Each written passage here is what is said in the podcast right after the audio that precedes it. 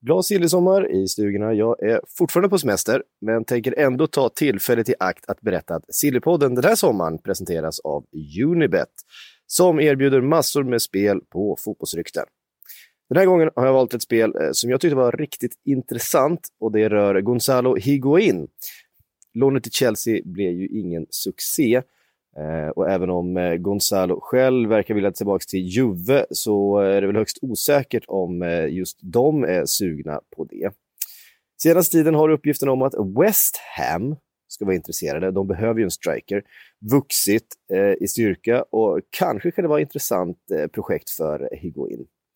Unibet betalar just nu fem gånger pengarna för denna i mina ögon ganska logiska affär ändå. Det spelet och en massa annat hittar ni på unibet.se. Glöm inte att du måste vara 18 år för att spela och misstänker att du spelar mer än du borde så besök spelpaus.se och läs mer om hur du pausar ditt spelande och får hjälp vid spelberoende. In the supermarket you have eggs class 1, class 2, class 3. And some are more expensive than others and some give you better omelets. That's the wrong information.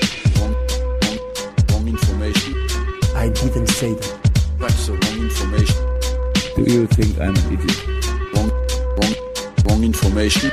Now look at me when I talk to you. Your job is to tell the truth. That's the wrong information. Wrong, wrong information. Sillypodden är tillbaka. Några som inte är tillbaka är varken Patrik eller Patrik dock, för både psyk och bränning är på semester. Så jag och Makoto får sitta i en lite ovan sits här borta på andra sidan bordet i vårt lilla poddrum här på redaktionen. Och eh, i sann försäsongsanda så har vi roterat lite i manskapet, lite nya namn och bekanta oss med. Bland annat Ibra har vi hittat ute på redaktion. Välkommen hit. Tack så mycket. Tack. Det måste jag säga att det passar dig att sitta i sån här le- ledarrollen. Du tycker det? ändå? Ja, det funkar? Det är bra. Det är bra. En bra start i alla fall, att du, du tycker det. Så. Ja, absolut. Då är vi igång nu, känns det positivt. Vad skönt. Ja. Eh, och sen eh, utifrån redaktionen har vi hämtat Kevin Bader från Fotbollskanalen också. Ja. Välkommen hit. Tack så mycket. Läget tack så med mycket. dig? Det är bra tack, det är bra tack. Silly-tider är goda tider. Det är tider det händer mycket i alla fall. Exakt. Och eh, vi kan väl direkt ta elefanten i rummet på något sätt. Och det är ju Harry Maguire. För det har ju pratat mycket om honom tidigare i den här podden och i andra sammanhang. Men nu har det konkretiserats lite mer. Bland annat Leicester Mercury och The Sun går ut med att det då är en 60 plus 20 miljoner euro, eller pund till och med, stor deal som ska ta då Harry Maguire till United. Och då vi även är en transparent podd så måste vi väl säga att Ibra, du har ju viss förkärlek för just Ja, Manchester United. ja, och det, det, jag skulle inte säga att det är någon hemlighet liksom att man håller på United och så. Nej, men eh, just, jag vet inte riktigt vad jag ska tycka om den värvningen, Harry Maguire. Alltså 80 miljoner pund för en mittback från Leicester. Jag vet att det är engelsman, eh, då är det automatiskt dyrare. Eh, men jag vet inte riktigt vad jag ska tycka. Alltså, nu läste jag ESPN innan jag klev in här och de säger liksom att enligt deras källor så har eh, Ole Gunnar Solskjaer varit desperat över att få över honom så fort som möjligt i, för att liksom inleda försäsong och så. Men det är Ed Woodward, sportdirektören eller vad som man kan kalla honom, liksom, som är lite för lat om man ska tro ESPN. eh, och inte har sina, eh, liksom, inte drar på det och driver på för att få över honom så fort som möjligt. Utan han har tagit liksom lite lugnt och sansat, vilket har irriterat ja, och, eh, Solskjaer. Liksom. Eh, så det är det, men själva värvningen, det kan ju bli en succé såklart. Alltså absolut, 80 miljoner pund kommer in. Ja, dominant United behöver en försvarare. De behöver en mittback bredvid eh, Vigge. Men samtidigt är det en stor risk att det blir en flopp. Eh, och med det prissumman som hänger på honom, 80 miljoner pund, det ökar pressen på honom riktigt ordentligt. Det känns ju som att Harry Maguire är typen av person som skulle kunna hantera en sån press. Samtidigt frågan som har ställts, befogad fråga att ställa är ju huruvida han egentligen håller en kvalitet för att man betalar den hutlösa summan för honom. Eh, vi har ju varit inne här också lite på att på något sätt vänt och det, men ja, det är en engelsman, han är liksom testad i ligan förut, det klassiska mantrat, men det känns ju ändå som det känns ju inte som att man tar det lugnt när man betalar 80 miljoner pund för Harry Maguire, om vi säger så, Woodward då. Ja, så är det. Alltså, det finns ju också, i början av sommaren så riktades han till City. Samtidigt som han riktades till United. Mm. Nu har ju City dragit sig tillbaka. Nu vet jag inte hur mycket sanning låg i det ryktet att City jagade honom. För att jag tycker han kanske inte liksom anpassat för hur City vill spela fotboll Nej. och så. Men det finns också kanske en anledning till att City backade. De kanske inte tycker liksom att han är så värt mycket pengar som det snackas om. Och så. Samtidigt behöver City engelsmän i sin trupp. De behöver de som liksom homegrown spelare och så. Men nu har de backat ur och nu finns ju bara en klubb i bilden och det är United. Så blir det en övergång så kan liksom det är United som gäller i så fall. För 80 miljoner pund. Ja, och då skulle han ju bli världens genom tiderna dyraste försvarare, Kevin. Vad säger du om Harry Maguire som tidernas dyraste försvarare? Det känns lite skevt, men eh, om man säger så här, under Silly-tider hände alltid det galnaste på något sätt. Eh, och Harry Maguire, ja, han är ju ingen eh, van Dijk precis, men ändå kan jag locka lockas av den tanken att se honom i Manchester United bredvid Lindelöf med tanke på den, den spelstilarna är. Det, det blir lite, de som spelar fotboll manager känner säkert igen det, men det blir lite så här ett bra rollspel där. Lindelöf står för passningsskickligheten, han står för att bygga upp spelet och sen Maguire ska verkligen göra det enklaste. Han ska pressa, han ska vinna nickdueller och sen ska han passa bort bollen så lätt som möjligt till närmaste spelare. Då, som sagt, Lindelöf. Um, men ja, det blir lite skevt med den prislappen på ett sätt. Eh, Med tanke på att, vi kommer säkert gå in på det lite senare också, men när man hör det likt till Juventus med lägre prislapp. Men som eh, du var inne här tidigare är ju han ju engelsman och då Mm. går ju priset upp. Och sådana såna silly-tider är det ju. Och det är det jag menar också med att det kan bli en succé också, trots det. För att precis som du säger, Vi- Victor Nilsson Lindelöf är ju mer en spelande mittback. Mm. Han kanske behöver kompletteras med en stark fysisk mittback som tar bort de Mm. här eh, bollarna i luften när, eh, liksom, när man leder med 1-0 i 92 och så motståndarna pressar på allt vad de har så. Då är ju Maguire liksom Mm. kanske bra för den rollen då. Och stark fysiskt, för att han är ju bättre än båda Smalling och Phil Jones, om man säger så. Tänkte precis säga det, han är ju definitivt en uppgradering till det Exakt. som finns i klubben. Han, onekligen är det så att de behöver ju en mittback, det kan vi ju direkt konstatera och det som många har reagerat på är ju just prislappen, men också sett till att Alltså engelskt pass idag, det är ju faktiskt som att sätta typ ett äpple på en dataskärm om ni förstår vad jag menar. Det, det går upp, ett, priset går upp väldigt mycket direkt om vi säger så. Och sen är ju United också, skulle United bjuda på vilken spelare som helst, och så, så ökar prislappen automatiskt. För att alla vet att United Exakt, betala. det är ju som Longstaff från Newcastle. Eh, när han riktades till United, då ville Newcastle enligt många engelska tidningar ha 50 miljoner pund för honom. Liksom 50 miljoner pund för en 21-årig som inte är prövad på det sättet och så. Men det är för att dels eh, United som bjuder på, men också för att han är såklart också engelsman. Och man har också sett United betala de pengarna man har gjort för till exempel Wan Bissaka nu tidigare under fönstret. Hur känner du då med Uniteds värvningsfilosofi? För det är ju verkligen ganska tydligt att man tittar på just unga brittiska spelare att förstärka klubben med, vad det verkar i alla fall. Jag såg ju första träningsmatchen i lördags. Då var det liksom Daniel James, nyförvärvet från Swansea, då var det Marcus Rashford, Mason Greenwood, Angel Gomez, eh, Jesse Lingard och sånt där. Unga spelare, eh, Van Bissaka såklart också. Unga spelare som har fart, som spelar med inte så mycket press på sig. Alltså Mason Greenwood, det är liksom hans första träningsläger om man säger så med United och det gick med Angel Gomez och James Garner också, mittfältare. Gjorde för övrigt mål, 2-0 målet. De här, det är väldigt spännande att se den här transferpolicyn om man säger så, att de har det känns att de har en, förändrats lite liksom från att vara så desperata förra året, eller de här faktiskt sen Alex Ferguson lämnade klubben, så har United eh, betalat oerhört mycket pengar för, man säger liksom floppvärvningar, alltså Di Maria, Falcao och så. Rojo. Falcao hade jag glömt var United. Ja. Ja. Eh, Rojo, liksom, Darmian och de, det verkar liksom att Ole Gunnar Solskjaer har en plan för hur han vill värva sina spelare. Han har en sån här, en målsättning som en viss spelare ska passa in i United, hur han vill spela. Och det var ju under träningsmatchen nu, ska man inte dra allt för, eh, för mycket slutsatser och så.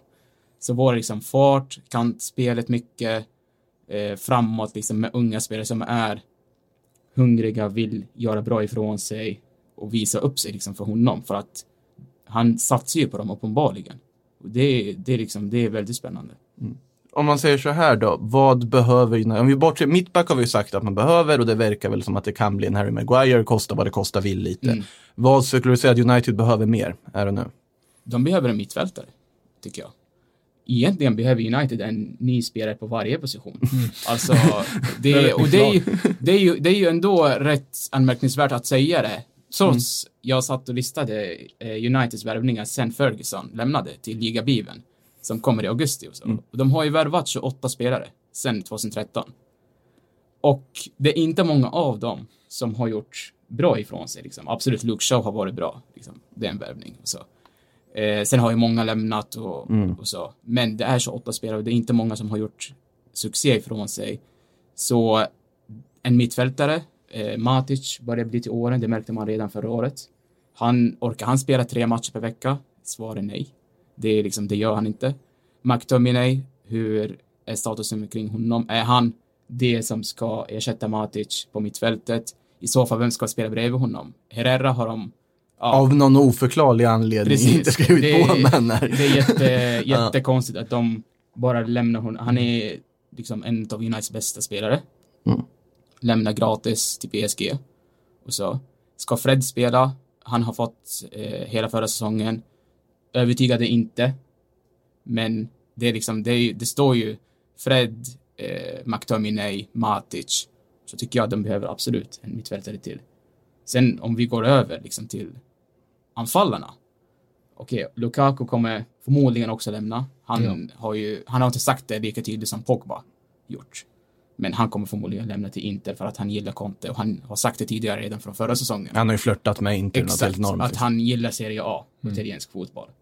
Så vem ska komma in för Lukaku? Ska United klara sig på en hel säsong, den tuffa ligan, engelska ligan med 50 plus matcher, på Marcus Rashford som centralanfallare? Ska Martial Mm. skolas om till en centralanfallare? Men ni förstår, det finns Ja, ju, precis. ja, det finns ju jättemånga, och nu räknar jag inte ens med Pogba. Jag tänkte precis säga Ja, det, att du, för du har inte ens räknat med Pogba, du Nej. räknar honom bort då redan nu eller? Alltså han, det, jag har svårt att se att han stannar i United efter liksom allt som har hänt. Men och, tror du inte med den här ökningen av prislappen som det sägs, upp Mm. till 2 miljarder, att det är en indi- indikation på att han stannar en säsong till? Ja, och såklart också när, när eh, liksom, de vill göra honom till kapten också. Han är en kandidat till att bli lagkapten. Men jag har svårt att säga liksom, när han själv har gått ut. Hade, så här, hade Mino Raiola själv gått ut och sagt att ja, men Pogba vill lämna och så. Okej, ja, men nu har ju Pogba faktiskt gått ut själv och sagt Fast Att- med styrning av Mino Raiola Ja, naturligtvis. såklart. Jo, alltså, vi ska inte snacka Mino Raiolas påverkan på sina spelare. Absolut. Det, är- det, det är en stor påverkan om man säger så. Jag menar liksom att Pogba har själv gått ut och sagt det är kanske dags för mig att testa något nytt. Och det har han sagt för en månad sedan. Just nu tycker jag bara att det enda hindret från att han är borta, det är den prislappen. Alltså, eh, Juventus har ju spenderat mycket liksom. Det är ju Juventus och Real Madrid som aktuella för honom. Jag tycker det är lite anmärkningsvärt att det är lite för tyst om PSG för Pogba. Precis, det känns ju som en bra match för honom. Och om man nu då skulle göra sig av med Neymar i det här läget, ska väl tilläggas. Precis. Eh, Så det är ju många, det måste ju ske någonting och det har vi pratat om här tidigare med att det måste ske något som får alltihopa att rulla. Harry Maguire är inte en sån där, för det är bara ett hål som måste fyllas. Precis. Men det måste vara någon som går någonstans för att frigöra någon form av kapital. Mm. Eh, och det blir intressant att se vem det blir som tar det här första steget på något sätt. Det man måste säga till Pogbas försvar, eller man ska säga alltihop, att han var ju ändå och spelade den här matchen. Han är ändå på försäsongen och är där, till skillnad från andra, till exempel Mauro Icardi. Eh, nu så var det ju först rapporter om att Mauro Icardi hade gått med tillsammans med Inter på att inte vara med på försäsongen. Sen kom det andra uppgifter i La Repubblica som sa att Icardi sa att nej men jag ville ju visst vara där på försäsongen. Om jag inte får spela så kommer jag sitta mina två år, ta ut min lön. Oklart hur mycket golf det kommer spelas för- hos Icardis del, men han sitter där och Inter verkar ju inte riktigt bli av med honom fast de inte ser honom i sitt alltså, lag just nu. Vad, vad säger ni om Icardi Gate? Vart tror vi att han hamnar? Då vi har ställt frågan tidigare här. Man börjar blir väldigt trött på den gaten. Det, det känns verkligen en sån här tröttsam historia. Ungefär som när en serie har för många säsonger. Att desto fler säsonger, desto sämre blir serien. Och lite så tycker jag just nu om hela Icardi-historien. Alltså jag tycker för hans bästa och skulle verkligen, och klubbens bästa också, bara hitta någon lösning så snabbt som möjligt.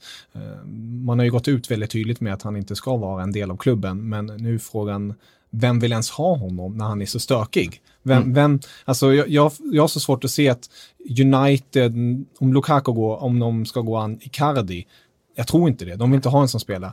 Bayern München som har snackats mycket om anfallare, jag tror inte heller de vill ha en som spelare. Så jag tror han har skjutit sig själv i foten riktigt rejält och han kommer nog inte kunna vara bland toppklubbarna. Det har ju snackats dock väldigt mycket om Napoli, vart många tycker att han skulle nästan vara handen i handsken. Där är dock frågan om prislappen. Har de pengarna för det? Chamez är på väg dit, har de kapitalet att också ta in Icardi? Ehm, Ja, det, det är ju en väldigt rimlig fråga i Icardi-frågan. Det är ju vem, eller vilken klubb är redo att satsa på honom? Alltså, det är precis som du säger, liksom, det är ingen toppklubb som vill ha honom. Jag tycker han passar inte in, baserat på vad jag liksom läst om Uniteds transferpolicy den här säsongen. Tycker jag inte att han passar in i den profilen som Ole Gunnar Solskjaer vill. Nej, onekligen inte. Liksom. Ja. Det, är inte riktigt den Och- typen du behöver få in. Då är ju frågan liksom, vilka klubbar behöver en anfallare och vilken klubb behöver satsa på Icardi? Med allt vad han har gjort och liksom bråkat sig loss med Inter, strejkat och inte spelat speciellt mycket under vårsäsongen. understrykas måste dock, alltså som spelare tror jag Icardi skulle passa i de flesta toppklubbarna. Ja, utan Alltså, tvekan. Ja. Det, Utan men det är tvekan. just det Ja. som vi är inne på här, det som händer utanför, att det är, han, får med sig lite drama. Mm. Precis. Lite för mycket. Det är minst sagt lite drama. Det har ju men det känns som en sån här en historia som kommer ta slut först i de sista dagarna när desperationen dyker upp. Inter kommer ju fortfarande kräva en bra slant för honom i det här läget av fönstret ska tilläggas. Det är ganska lång tid kvar fortfarande för Serie A och La Liga. Det är nästan till liksom första september som Exakt. gamla goda tiden fortfarande. Det är ju bara Premier League som stänger lite tidigare. Eh, Så jag tror att det här kommer bli någonting som kommer ligga kvar till väldigt sent och det kanske kommer en lånedeal eller något. Men jag vill ju slänga in en liten, eh, vad heter det, dark horse i den här Icardi-jakten bara för Okej. att byta ämne lite fort och det är att det finns ju faktiskt ett lag som är i stort behov av anfallare, inte ett topplag men har pengar och det är ju West Ham. Eh, nu tror inte jag att Icardi skulle hamna i West Ham, men vi kan då gå över till West Hams anfallskris. där, där har vi bryggan. Eh, det har ju pratats Gonzalo Higuain faktiskt. Det verkar ju ha dött där. Borja Iglesias har dykt upp på tapeten efter att Maxi Gomes-affären föll ihop. Men vi kan ju konstatera att West Ham behöver ha anfallare, för de har just nu bara två stycken. Varav det väl bara var en som är typ A-lagsspelare och det är Chicharito, men han var väl på väg typ bort, eller? Ja, alltså han, eh, jag har läst liksom att han vill inte stanna utan han gör det nu för att klubben behöver en anfallare. Liksom. Han vill inte lämna klubben på det sättet att han blir ovän med dem och så. Utan han vill ju lämna först. Det är fint. Ja, ja det får man ge han. Baserat på hur sommaren har tider, utvecklat sig ja. med all strejk och, och spelare som bråkar och så, så kommer Hernandez in och var liksom ängel i det hela. Vem trodde det innan sommaren? Ja. Ja. Räddar West Hams försäsong här. Ja. Nej men eh, så han, liksom, han vill ju bort. Men han kommer inte tvinga sig bort från klubben, om man säger så. Jag är ju, I Kicke vet jag har de skrivit bland annat Sebastian Haller, fransmannen i Frankfurt. Eh, Lång, ståtlig targetspelare, en personlig favorit. Eh, sägs vara ett intressant namn för West Ham. Han är ju 24 år gammal bara och prislappen ska ligga runt 50 miljoner. Det är så pass mycket för Haller ändå alltså. Ja, det, det snackas om det i alla fall. Nu är det inget som är bekräftat, men eh, jag, jag skulle personligen, jag har sagt eh, det tidigare i andra sammanhang, men Halle tycker jag verkligen är en spelare som ska upp ett snäpp och jag tror att han skulle hålla i större klubbar. West Ham blir ju inte ett superhopp om man säger så. Eh, All respekt till West Ham, men jag tror om han skulle gå till West Ham för regelbunden speltid så tror jag definitivt att han skulle vara en spelare som skulle leverera. Eh, Och för alla fantasy-älskare skulle han definitivt vara en het kandidat att ha med sitt fantasylag. Sen tycker jag också att det är tanken, liksom att Gonzalo Higuain, Mauro Icardi till West Ham. Det är, ju lite, det är ju lite kittlande. Det är ju liksom, De, de har ju tappat Anatovic nu, som är stökig, så de kanske behöver den här... ja. Balotelli Ja, har vi har ju också varit. det är ju liksom det är en otroligt märklig kombo om man säger så. Alltså Gonzalo Higuain till West Ham. Vem trodde det liksom? Mm. Ja, det är inte många kan Eller Icardi för den delen. Alltså. Ja, Icardi slängde jag bara rakt Ja. ut från Ja, ingenstans. men här. det, det, det är ändå liksom en kittlande tanke liksom, att han kan hamna i Premier League. Oj, United, eh, City, Liverpool. Nej, West Ham. Det, är liksom, ja, det är sånt man får liksom Ja. överväga. Det blir kul att se när de ska också försöka hijacka Borja Iglesias-dealen från Betis här nu. Om det pratas om. Efter att de försökte han- Maxi Gomez från Valencia. Misslyckades samtidigt som Maxi Gomez var ute och eh, kampade och fiskade upp i bergen så man kunde inte skicka papper till honom. Han var helt liksom, utanför den här mobila civilisationen. Kom tillbaka, tog direkt flyget till Valencia och skrev på det här kontraktet alla förväntade sig att han skulle göra från början. För det var Valencia han ville gå till. Väldigt fin så här, en liten detalj mitt i den här galna transfersoppan som Enkelt och straightforward. Ja, att, att man ändå kan göra det. Liksom prioritera vännerna och åka till uruguayanska bergen och fiska istället. Det mycket fint. Bra Maxi Gomez. Ehm, Så tänkte jag också på en liten outsider som har varit tyst eh, under hela sommaren. Liksom. Det är Wolverhampton. Deras, de har gjort en jättebra säsong förra året. Eh, Kom sjua i Premier League, sju eller åtta. Och så. Men ha, de har behållit sina nyckelspelare. men det är ju för att Jorge Mendes har dem. Det är- Och han det är har liksom- klubben. Det är liksom, jag, jag tycker liksom det är anmärkningsvärt att en sån klubb som gör succé och sånt, då brukar det ja, i alla fall två, tre lite. spelare ja, liksom flytta från klubben så. Men hittills faktiskt under sommaren så har det varit tyst. Alltså, inte ens, inte vad jag, jag kanske har missat liksom. Nej men typ en Doherty eller någon skulle ju, om man spelar i till Ja. exempel Leicester, skulle det pratas väldigt mycket mer om och vara på agendan. Nu är det ju det här med att det är Jorge Mendes som sitter och styr och ställer där.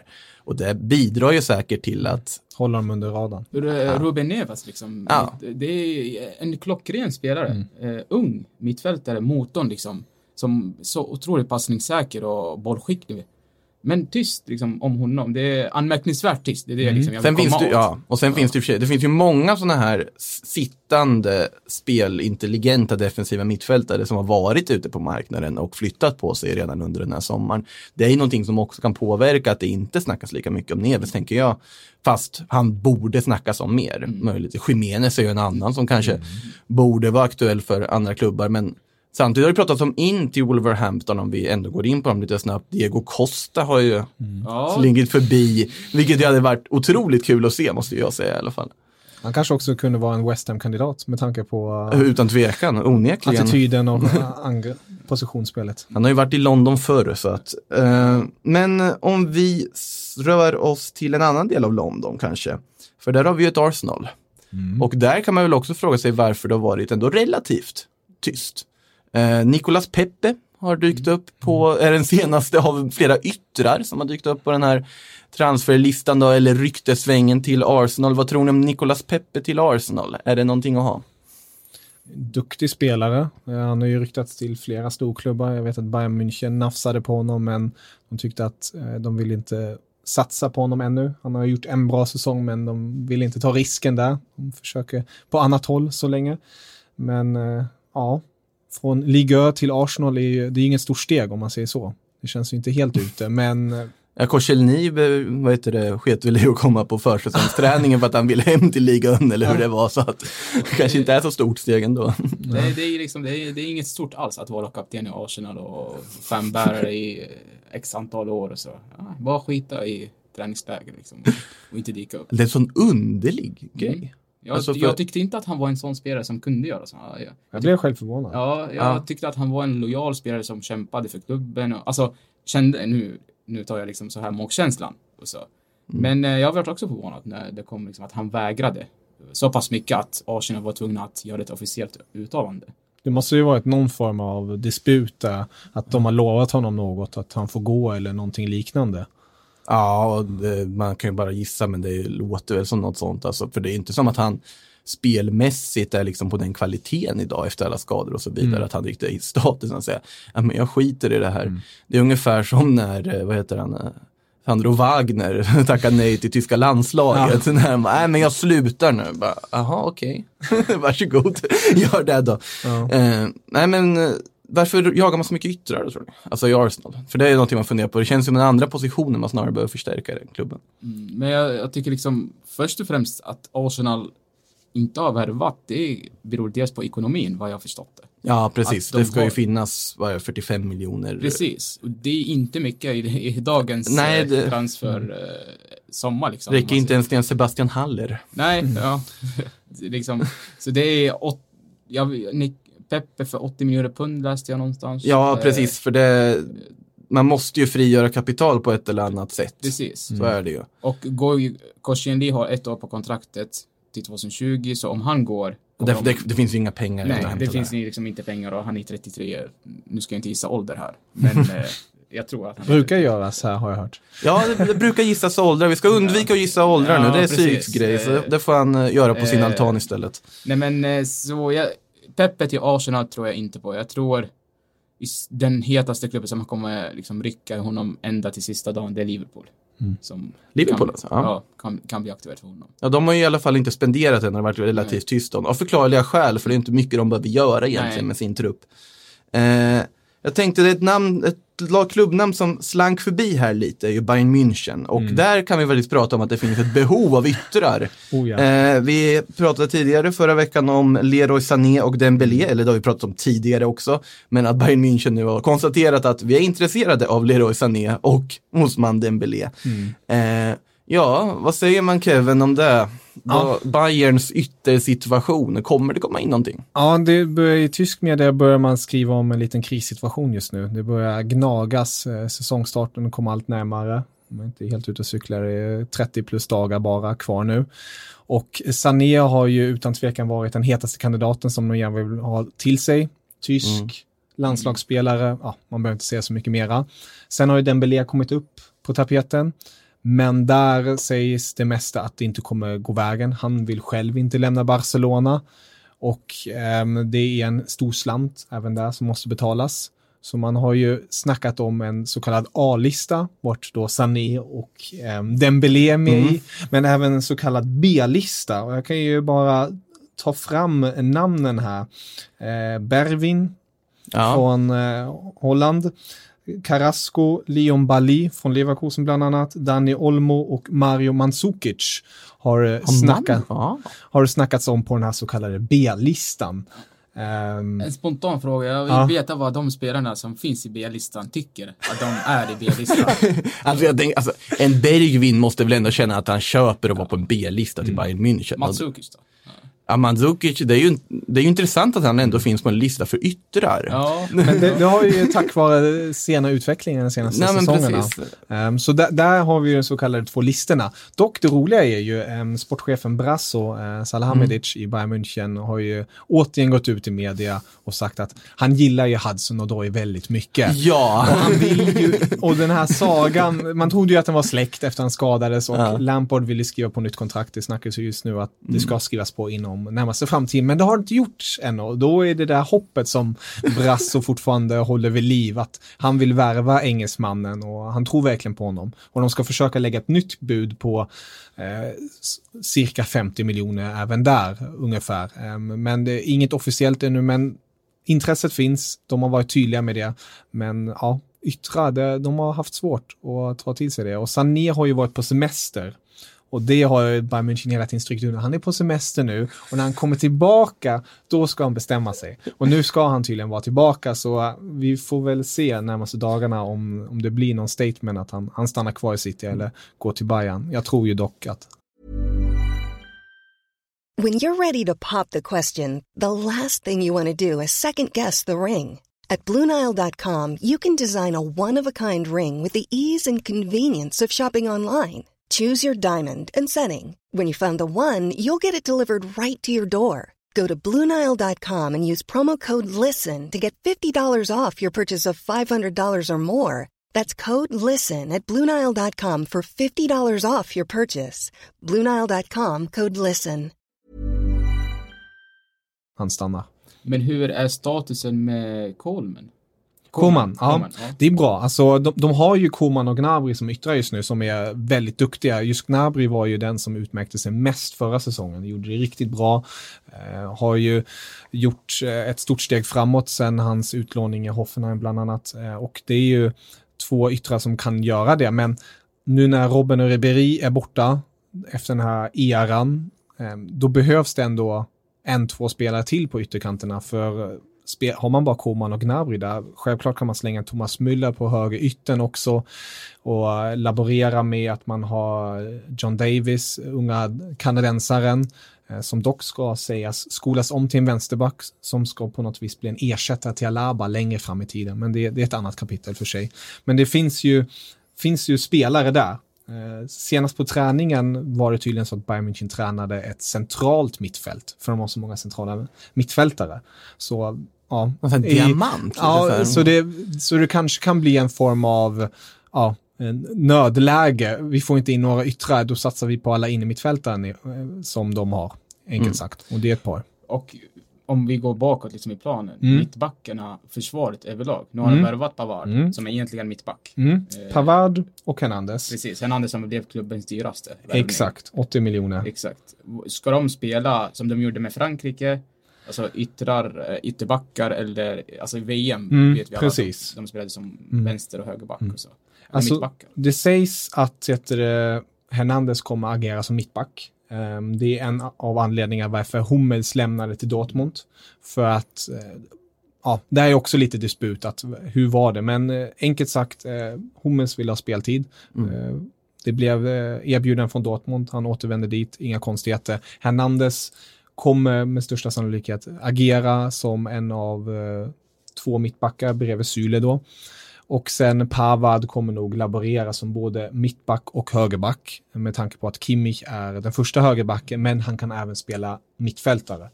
Så det blir där. Bayern München sägs dock vilja sälja Boateng fortfarande trots att de har mittbacksbrist på ett sätt. Eh, Så där, där kan United också titta annars.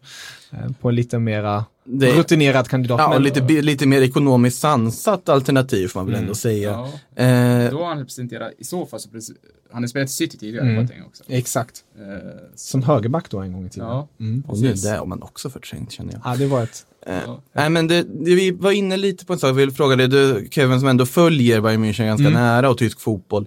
Vi pratade om att alltså, attraktionskraften för Bayern München Mm. och attraktionskraften från Bundesliga känns som den ändå har sjunkit lite på sista tiden nu. För förr en Leroy Sané hade ju skitit i om det semester eller Mm. inte. Liksom. En Bayern ringer, Mm. det är liksom Tysklands stora lag, såklart jag ska dit. Känns det så för dig också att det har sjunkit lite?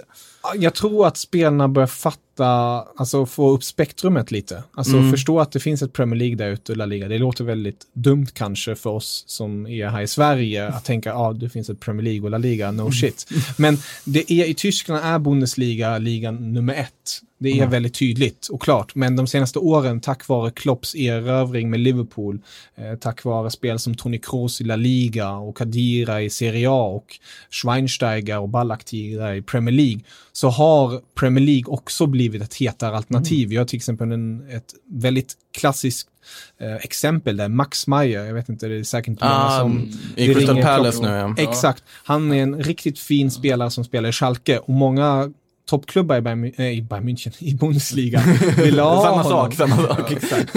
Ville ha honom. Ehm, men han valde ja, pengarna och eh, möjligheten att spela i England, helt enkelt. För att han, han såg att det fanns en möjlighet att komma utomlands. Och jag tror att fler och fler unga tyska spelare ser den möjligheten nu också. Eh, Så jag tror Bayern kommer få allt svårare de närmaste åren. Eh, Och det är därför också de fattar att de måste öppna plånboken nu. Som de är mer beredda på att göra. Mm. Men vad händer, nej, kör. vad händer med den här generationsväxlingen i Mm. Bayern München? Alltså, de har ju en spelare som har beskrivits som den nya storstjärnan, gjorde succé i EM 2016, Renato Sanchez. Mm. Vad är hans status? Det är han som skulle ta över. Mm. Liksom, och Han bli- hamnar i Swansea och blir deprimerad. Ja, alltså hände. hans karriärskurva, det är liksom rakt Mm. neråt om man säger så. Vad händer där? Styrelsen vill ha kvar honom. De gillar Mm. honom. Men han själv, enligt Bild då, eh, och tysk media, vill därifrån. Så det är också en liten disput där. Det är Boateng vill styrelsen få bort, men han vill tydligen, ja, han, han chillar just nu för att han känner Hummels försvann och eh, här har jag möjlighet att kanske spela och det finns inga hetare alternativ. Men Renato Sanchez däremot vill styrelsen behålla men han vill själv eh, gå bort. Eh, där har jag dock inte hört några konkreta bud eller så för att jag kan ju förstå Renato Sanchez på ett sätt med tanke på att man, man har Thiago i mittfältet, han är, han är given etta. Man har även en Goretzka, man har en Tolisso som är tillbaka efter sin ett långtidsskada. liksom. Det blir som ett Mm. nyförvärv. Eh, Xavi Martinez som man också, men han kommer agera mer som mittback faktiskt nu framöver har det sagts. Han har ju skolats om lite till det på senare år också. så. Exakt, exakt. Och sen, eh, ja, har man, eh, ja, man har helt enkelt en hel del spelare på inom mittfältspositionen. Så man förstår ju Renato Sancho på ett sätt att han känner kanske, ja, jag kanske Mm. borde se över mina möjligheter. Någon eh, man har blivit av med dock, som Mm. både från spelarens del och från klubbens del bestämde att det var slut, det var ju James Rodriguez som Mm. var på det här tvåårslånet. Han var ju på väg till Napoli, har det ju pratats länge om och det Mm. var förhandlat och det har dragit ut på tid. Och nu så har ju den här vändningen kommit att Atletico Madrid har gett sig in i leken om denna Real Madrid-mittfältare. Och Real Madrid ska ju snarare vilja sälja i det här fallet då, och liksom bara knyt, bryta banden med James. Och kan då tänka sig sälja till Atletico. Det var bara, Marca hade väl där på framsidan bland annat en stor bild på James som var Atletico bound. Så att säga, vad säger vi om James till Atletico? Bra värvning tycker jag. Det är, jag tycker liksom han är bra spelare. Alltså fortfarande oavsett. Nu har inte jag sett liksom lika mycket i Bayern München av honom som när jag såg Real Madrid när han slog igenom i VM 2014 och, och allt det där liksom. Mm. Men James Rodriguez är en jättebra spelare som skulle absolut förstärka Atletico Madrid till i alla fall, alltså offensivt absolut. Ja. Det enda jag tänker är vart han skulle gå in, alltså Mm. under en Simeone, med liksom Simeone-lag. Du har ju värvat in en Joao Felix för 1,2 miljarder som naturligtvis kommer få spela med den summan som han har. Han är ju lite liksom en tillbakadragen typ av anfallare som jag har förstått det. James Rodriguez, möjligtvis han skulle kunna gå in som en av två i ett liksom Simeoneskt 4-4-2 då, men i någon sorts släpande roll. Men Joao Felix är typ lite släpande där också. Han skulle kunna ta en ytterroll, men en ytter i Atletico förväntas ju göra helt annat typ av jobb och pressspel än vad kanske James Rodriguez är van vid. Det känns ändå som att det är lite alltså hybris på Atletico, lite storhetsvansinne som har men det kanske bara jag som känner det. Alltså, jag, jag, jag, jag tycker personligen att det skulle vara bättre för honom och eh, nästan klubben för sig som du är lite inne på, att Mm. han, han går till Napoli. Jag instämmer att han skulle tillföra en hel del i Atletico Madrid, men jag tycker personligen att den spelstilen och den rollen han har skulle passa bättre i Napoli. Han, han är en spelare som man har sett nu i både Real Madrid och Bayern München att han har kvalitet, men han behöver vara stjärnan lite i laget. Han behöver vara ankaret i laget vart allt går igenom och jag tror att i Napoli skulle han kunna få den statusen och den perfekta rollen för det hela. Och självklart under Ancelotti och hela den relationen där, att det skulle kunna lyfta på ett helt annat sätt. Men Ja, jag vet inte. Jag, jag, jag vet inte om Atletico Madrid bara slänger in det här för att jävlas och gör det surt för Real Madrid så att det ståkas upp alltihopa lite. Ja, det enda de gör är att finansiera Real Madrids eh, fortsatta sommaräventyr, höll jag på att säga, för att Real Madrid vill ju sälja. Det är ju här De Laurentiis vill ju inte köpa. Det är lite konstigt när man pratar så gott om James Rodriguez, om hans status, men ändå inte vill punga ut pengarna. Nu finns väl inte pengarna riktigt i Napoli, det kan ju ha med det att göra. Men det är ju ändå, James verkar ju vilja gå till Atletico. Han verkar ju se att det är ett intressantare projekt med och så vidare. Och Atletico har dessutom pengarna. De gick väl plus minus noll typ på Griezmann. Joao Felix och sen så har de Rodri och eh, Lucas Hernandez försäljningarna. Så det är ju 1,5 miljarder. Om man väldigt basic tittar på in ut transfersummor. Eh, vilket man inte alltid kan göra ska tilläggas rent ekonomiskt.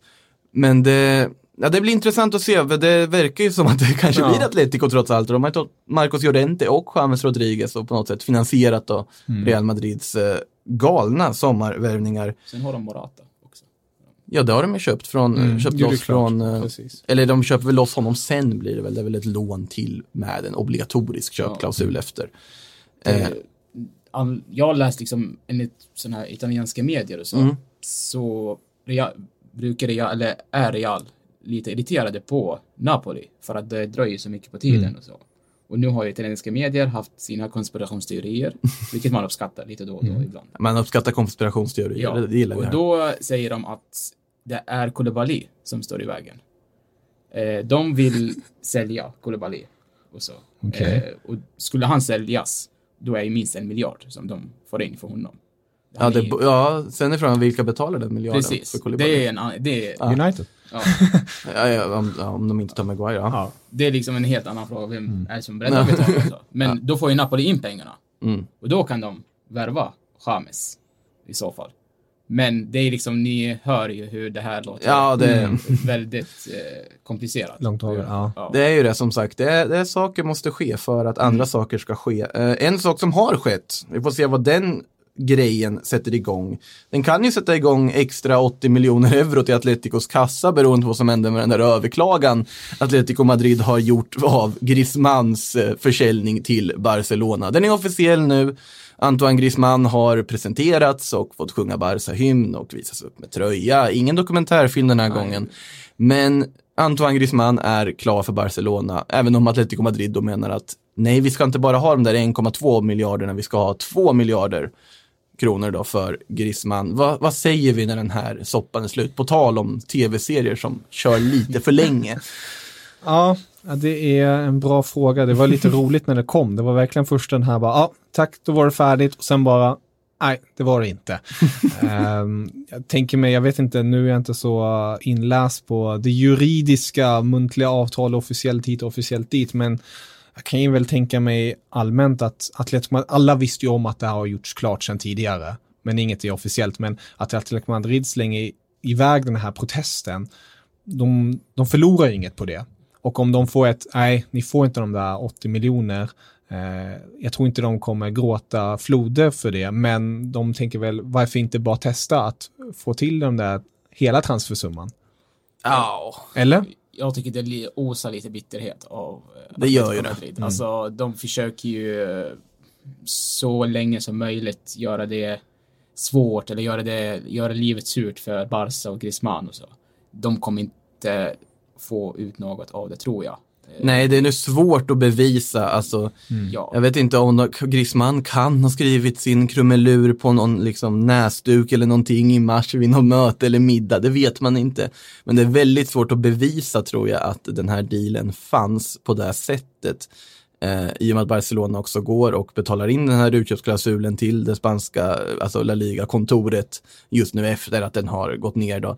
Sen kan man tycka vad man vill om hur man gör det här, men jag tror att alla klubbar hade väl ungefär agerat på samma sätt i den här soppan. Det är tyvärr inte lika stora kålsupare allihopa. Eh, Kan man spara en knapp miljard, då, då gör man det. ja, särskilt när man jagar Neymar också på Ah. det. Eh, det. Det är ju en helt annan grej. Själva Eh. spelaren, Griezmann, liksom, han går ju, alltså han kommer ju tillföra, ja, nu, det är ingen raketforskning direkt att han är en duktig fotbollsspelare och så. Men jag tycker han kommer passa jättebra i Barca, alltså hans spelstil, hur han är, hur han, när han droppar, liksom. Han och Messi tror jag kommer vara, hitta varandra fortare än man tror. Men blir det, om man tittar på... Frågan vilka- är ju vart Suarez spelar i så fall. Ja, men det, Suarez ska väl vara centralt fortfarande, Ja. eller? Och så har de Coutinho och Dembélé som liksom slåss om en position, vilket kan innebära att någon av dem kanske Malcolm försvinner. får vi inte glömma bort. Ma- ja, precis. Malcolm. Ja. Ja, det är faktiskt bisarrt hur lite chanser Malcolm fick sett till. Alltså att han ändå gjorde det bra de gånger han kom in tyckte jag. Men det tyckte jag var ganska bra läge att faktiskt kila över till eh, lite lyssnarfrågor. För vi har Daniel Ingvarsson här, frågar, han säger Griezmann klar, får nummer 17 på ryggen. Betyder det att Coutinho definitivt stannar och ställer upp Barsas bästa elva nästa säsong? Är frågan då. Vi kan börja med Coutinho. Eh, det, stannar han? Måste man ju fråga sig. Det är ju det senaste jag läst och ryktats har det, har det stått att han kommer stanna. Att han, han vill stanna. Eh, och det är ju rätt så anmärkningsvärt. Eh, att han, han vill stanna kvar trots de här nyförvärven. Han vill kanske inte se sig själv slagen eh, efter en lite mindre lyckad säsong. Jag tänker mig om man, om man bara laborerar lite vad man skulle kunna ställa upp med i det här Barcelona, skulle man ju kunna leka med tanken att eh, Barcelona skulle spela som vanligt med 4-3-3 och sen en spets framåt och i den spetsen framåt har man en Coutinho. Eh, och sen har man... Ja, det är ju där han skulle gå in, för det här inne mittfältsexperimentet man gjorde, han skulle bli en ny Iniesta, det Nej, nej. fallerar ju Det, fullkomligt. det tror jag verkligen inte på. Och sen har man två sittande då i, ehm, i Vidal och kanske Arthur som spelar där och eh, sen Coutinho framför. Eh, jag tänker... Var ska då Rakitic, de Jong och... Eh, är Jong glömde jag faktiskt bort där. Det var snyggt. Det var snyggt. Men det är ju... Busquets Det, också. ja. ja, det Men är... det, det är, det, ja, man, man hör det själv, det är lite galet. Ehm, men ja, om man kan tänka sig sitta på bänken och ehm, blir runtflyttad, då tror jag kanske att han eh, kommer få sin speltid, för det är ändå en lång säsong, det är Champions Mm. League, och det är mycket ligaspel, eh, så finns det ju ett par minuter hit och dit, men jag tycker personligen att det är lite slöseri på kvalitet och pengar. Problemet med Coutinho är ju att du värvar en spelare som överhuvudtaget inte passar i Barcelona för den summan de gjorde. Det verkar ju onekligen så att han faktiskt inte passar. Det finns inte riktigt platsen för honom. Nu när Griezmann kommer in känns det ju i dagsläget ganska naturligt att det är Griezmann, Suarez, Messi framåt. I relativt fria roller, de får göra vad de vill. Suarez är fortfarande tillräckligt bra för att han ska vara startande anfallare i Barcelona, inget snack om saken. Sen tänker jag en Busquets är svår att plocka bort. Om Valverde sitter kvar så kommer Rakitic absolut att vara mittfältsalternativet. Vidal som någon sorts komplement när det behövs som en truppspelare. Och sen kanske Arturo de Jong i någon form av rotationssystem då. Försvaret behöver väl inte ens gå in på, det känns ganska såklart hur det här kommer ställas upp. Eh, sen är ju Neymar som ligger där. Precis, ja, det Ja, jag tänkte det är ju Neymar som ligger där och Vad händer med Neymar nu? Alltså, han dök upp på träningen idag. Eh, Han är i PSG just nu. Han kom fram till slut. 15 juli kom han till PSG. han dök upp till slut. Ja.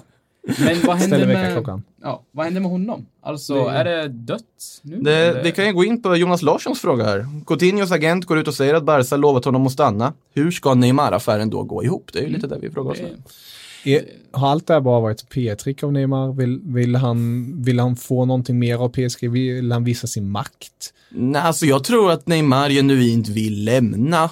Sen så hade väl han hoppats kanske då på något sätt att han kan komma till Barca ändå. Jag tror inte vi ska utesluta Neymar. Men så länge Coutinho sitter kvar så kommer ju inte Neymar komma in. Jag har svårt att se att Barcelona ska få in de pengarna med tanke på att de onekligen verkar ha haft svårt att få ihop utköpsklausulen till Disman.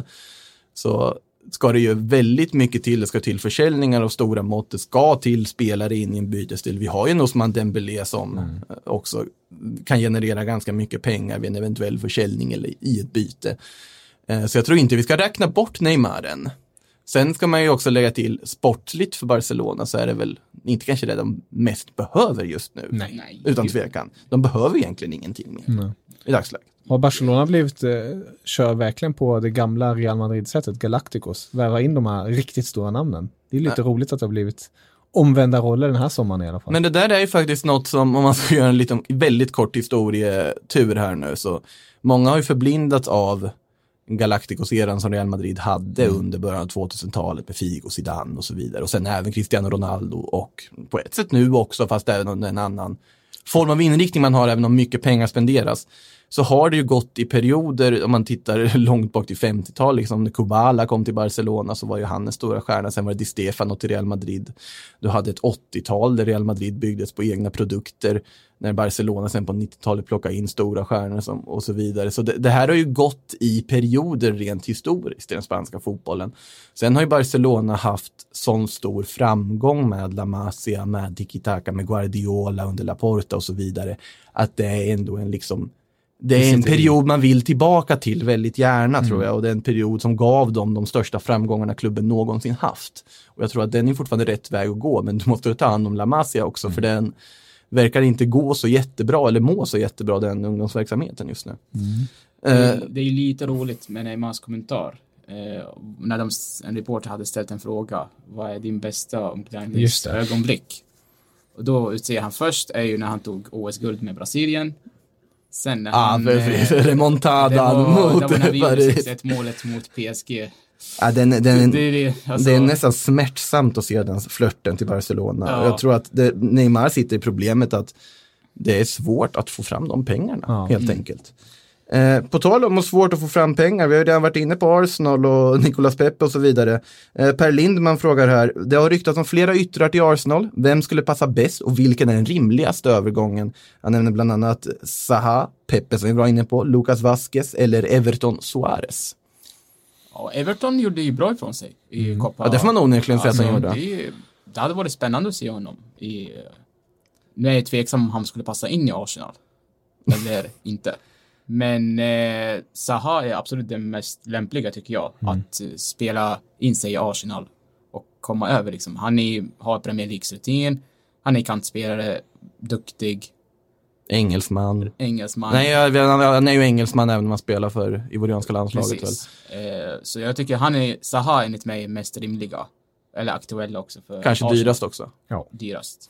Och då, sen är Crystal Palace-relationen är väl inte den bästa efter det där skambudet som de ska ha lagt på spelaren. Eh, Rickard frågar faktiskt samma saker om Everton. Everton till Arsenal, troligt. Eh, alltså det känns ju lite som att, ja, det är ju onekligen en bra spelare, men det är ju lite VM-sjukan, fast Copa America-sjukan i detta fall på något sätt. Hur mycket pengar är man redo att betala för en spelare som egentligen, ja såklart han har varit bra i Gremio, annars skulle han inte ha spelat i brasilianska landslaget, men hur mycket kollar man egentligen på honom? Eh, samtidigt känns det nästan lite sunt på något sätt att titta utanför öarna i ett sånt läge. Eh, sk- vidare då, eh, om vi går till United, Patrik Alexandersson frågar här, om Lukaku drar till Inter, vem tror ni att United plockar in på Det är en anfallet? väldigt rimlig fråga som jag har tänkt på flera gånger. Mm. För att United kan inte klara sig en hel säsong med Nej. Marcus Rashford. De måste ju få in en anfallare. Och frågan är då, blir det Mauro, Mauro Icardi? Blir det Gonzalo Higuain? Nu, det, det, det var intressanta namn du slänger Ja, upp här som det är förslag. Det är, ju- det är ju de som är alltså, redo att flytta, om man säger så. Men är det, pratar vi så pass starka anfallare? Wissam Ben Yedder har det bland annat pratats om. Det känns väl kanske nästan mer alltså, Precis. sunt. i Jag såg sån. dock det där fotot som florerar på sociala medier. Jag vet inte om ni såg det. Nej, vilka tänker du på Eh, nu? på Ben Yedder. Eh, Jag vet inte om det är ett aktu- aktuellt Efter foto eller inte efter semester, men Mm, det, det, var, det var en... Nu är det inget fel med det, men om man är professionell fotbollsspelare ska man kanske hålla i kosten och det har han tydligen inte gjort. Om man Ah, på så här den klassisk sån här för, efter försäsongsbild. Ja, ah, exakt. okej. Han har kört ah. loss under semestern, så. Men eh, han har ju presterat de senaste säsongerna. Det kan man ju inte ta ifrån honom. Eh, en personlig favorit, nu är det inget lika stort namn som du nämnde här med Icardi och Iguain, men det är Wilson i Bournemouth. Eh, skön anfallare, det, det är självklart, det är ingen glans kring eh, men det hade honom. varit men, men det hade varit en skö, han har presterat i Premier League, han har visat förra säsongen, Mm. han, han kan klara av det. Då har Ole Gunnar, kan han fortfarande satsa på Rashford som nummer ett och sen Wilson tror jag definitivt inte är en sån som säger vad fan jag ska vara nummer ett. Att det blir en enkel rotation där också. När Fast det hade ju kostat en halv miljard. Ja, förmodligen. det är han ju engelsman från Bournemouth. Exakt. Hade- Håkan där är väl också att han är lite skadebenägen. Mm. Wilson. Ja. Eh, Sebastian det- Haller, alltså det, nu verkar det bli West Ja. Men det är ju så här, det hade ju också ja. varit logiskt. Det hade jag jättegärna sett. Eh, som sagt, eh, en bra nia som inte finns så mycket längre. Alltså, stor, stark, samtidigt teknisk. Gjorde ju med Jovetic en hel del förra året. Eh, gjorde själv 20 mål plus och 12 assist. Så honom centralt och sen ha har spelare som Martial och Rashford och ja, nu har de ju även Mata kvar runt omkring sig offensivt så tror jag han skulle prestera en hel del. Mm. Om vi går vidare här i frågorna ska vi se. Daniel Johansson frågar sig, alltså som anhängare till Arsenal så har jag väl bara en fråga. Varför? Och det, ja, det, det, det kan man ju fråga sig om mycket, men eh, vi får se vad de gör. Det är ju några dagar kvar på den här silly season-fönstret ändå. Eh, anfallsproblem finns det väl, eller anfallare som behöver komma in finns ju Chelsea också. Erik Rosberg frågar, hur kan Chelsea släppa Higuain, en av de få de kunde värva likt Kovacic, nu när deras anfallsbesättning är tunn? Vem tror ni startar av Giroud och Tammy Abraham?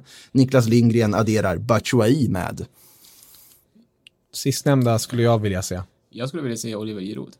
Jag tror ju garanterat att det blir Giroud, av Mm. dem i alla fall, med Tammy som någon sorts eh, rotation. Jag ser väl snar, jag ser ju inte en framtid för Batshuayi i Chelsea idag.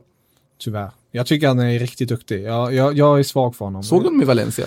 Nej, jag vet, I Valencia var det inte så bra, men jag tycker ändå om man, om man får den, den rollen som man behöver så tycker jag att han kan prestera rätt så mycket. En hårt jobbande anfallare. Eh, Men ja, han har inte skyhöga aktier precis. Eh, Niklas Belldal, Delf till Everton för 8 miljoner pund. Diskutera gärna priset och vad han kan tillföra. Eh, det låter väl, tycker jag, som en väldigt, för att vara. Everton, ändå sund värvning.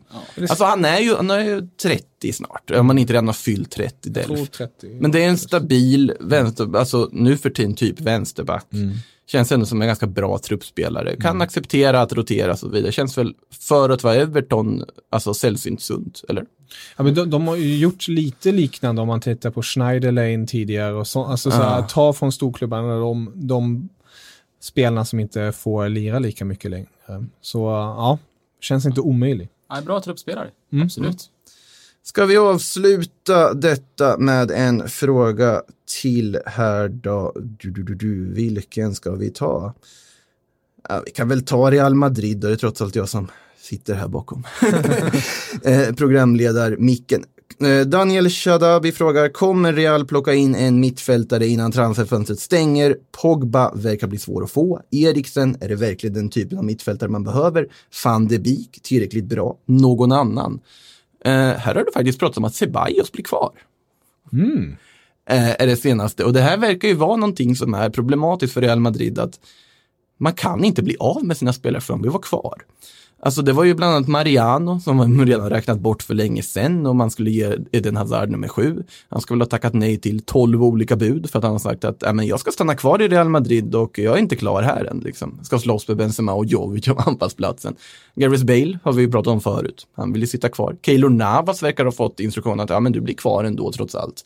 Och Dani Ceballos som inte ens har varit med nu på försäsongen verkar nu enligt de senaste rapporterna också bli kvar. Eh, och det känns väl som att om det inte blir Pogba eller Eriksen så kommer det ingen. Nej. Det är det jag också är inne på. Blir det inte Pogba så tror jag inte att Real värver någon alls. Låter sunt. S- värv, värvas Pogba, ja, vad händer med Toni Kroos, Modric, Casemiro? Det är de som ska starta matcherna, eller det som brukar starta matcherna. Ja, Modric ska väl börja roteras, kan man väl hoppas i alla fall, sett till att du behöver ändå få in någonting nytt på så sätt. Sen Precis. finns det ju kvalitet, det finns ju en Federico Valverde, det finns en Ceballos till exempel. Så att det, Känns ett lyxproblem för Real Madrid just nu. Ja, lite. Det lyxproblemet är att man kan, problemet är också att man kan inte bli av med spelare. Du har ju redan för många spelare. Du måste bli av med spelare på ett eller annat sätt. Samtidigt vet ju alla klubbar att okej, Real Madrid måste sälja. Vi går kanske inte med på det första förslaget vi får pengamässigt för att det kommer komma en augusti månad när Real Madrid sitter på över 30 spelare i en trupp som bara får vara 25 och inser shit, vad ska vi göra? Och då kan fyndpriserna dyka upp. Eh, vi får se, det är ju fortfarande långt kvar av det här transferfönstret. Någon jag faktiskt kom på nu innan vi faktiskt stänger ner det här är att vi har ju inte nämnt Mattis de Ligt idag. Ja, det känns såklart redan nästan. Ja. Ja, du tycker det ändå? Alltså det, det känns, alltså de senaste rapporterna säger ju att han kommer presenteras eh, tisdag. Alltså nu, nu när vi spelar in där är det måndag och att, han, att det ska presenteras eh, tisdag på dagen någon gång. Eh, nu vet jag inte om det är officiellt eh, klart så ännu, men det, det, allt riktas ju dit och att Barcelona har tydligen försökt hijacka det här, eh, den här affären men har misslyckats på grund av att ja, det likt är väldigt säker på. De har ju hijackat italienska affärer förr, Exakt. om vi säger så. Nu Exakt. var det ju inte Malcolm och eh, Vidal det pratas om nu, utan kanske lite mer. Stort namn. Eh, men vi får se om vi kanske har en delikt att prata om nästa gång vi spelar in. Fram till dess. Fram till dess. Ha det bra. Information. I didn't say that. That's the wrong information. Do you think I'm an idiot? Wrong, wrong, wrong information. Now look at me when I talk to you. Your job is to tell the truth. That's the wrong information. Wrong, wrong information. I'm not gonna have you twisting everything I say. Twist, twist, twisting everything I say. So make that clear. No eggs, no omelette. So make that clear.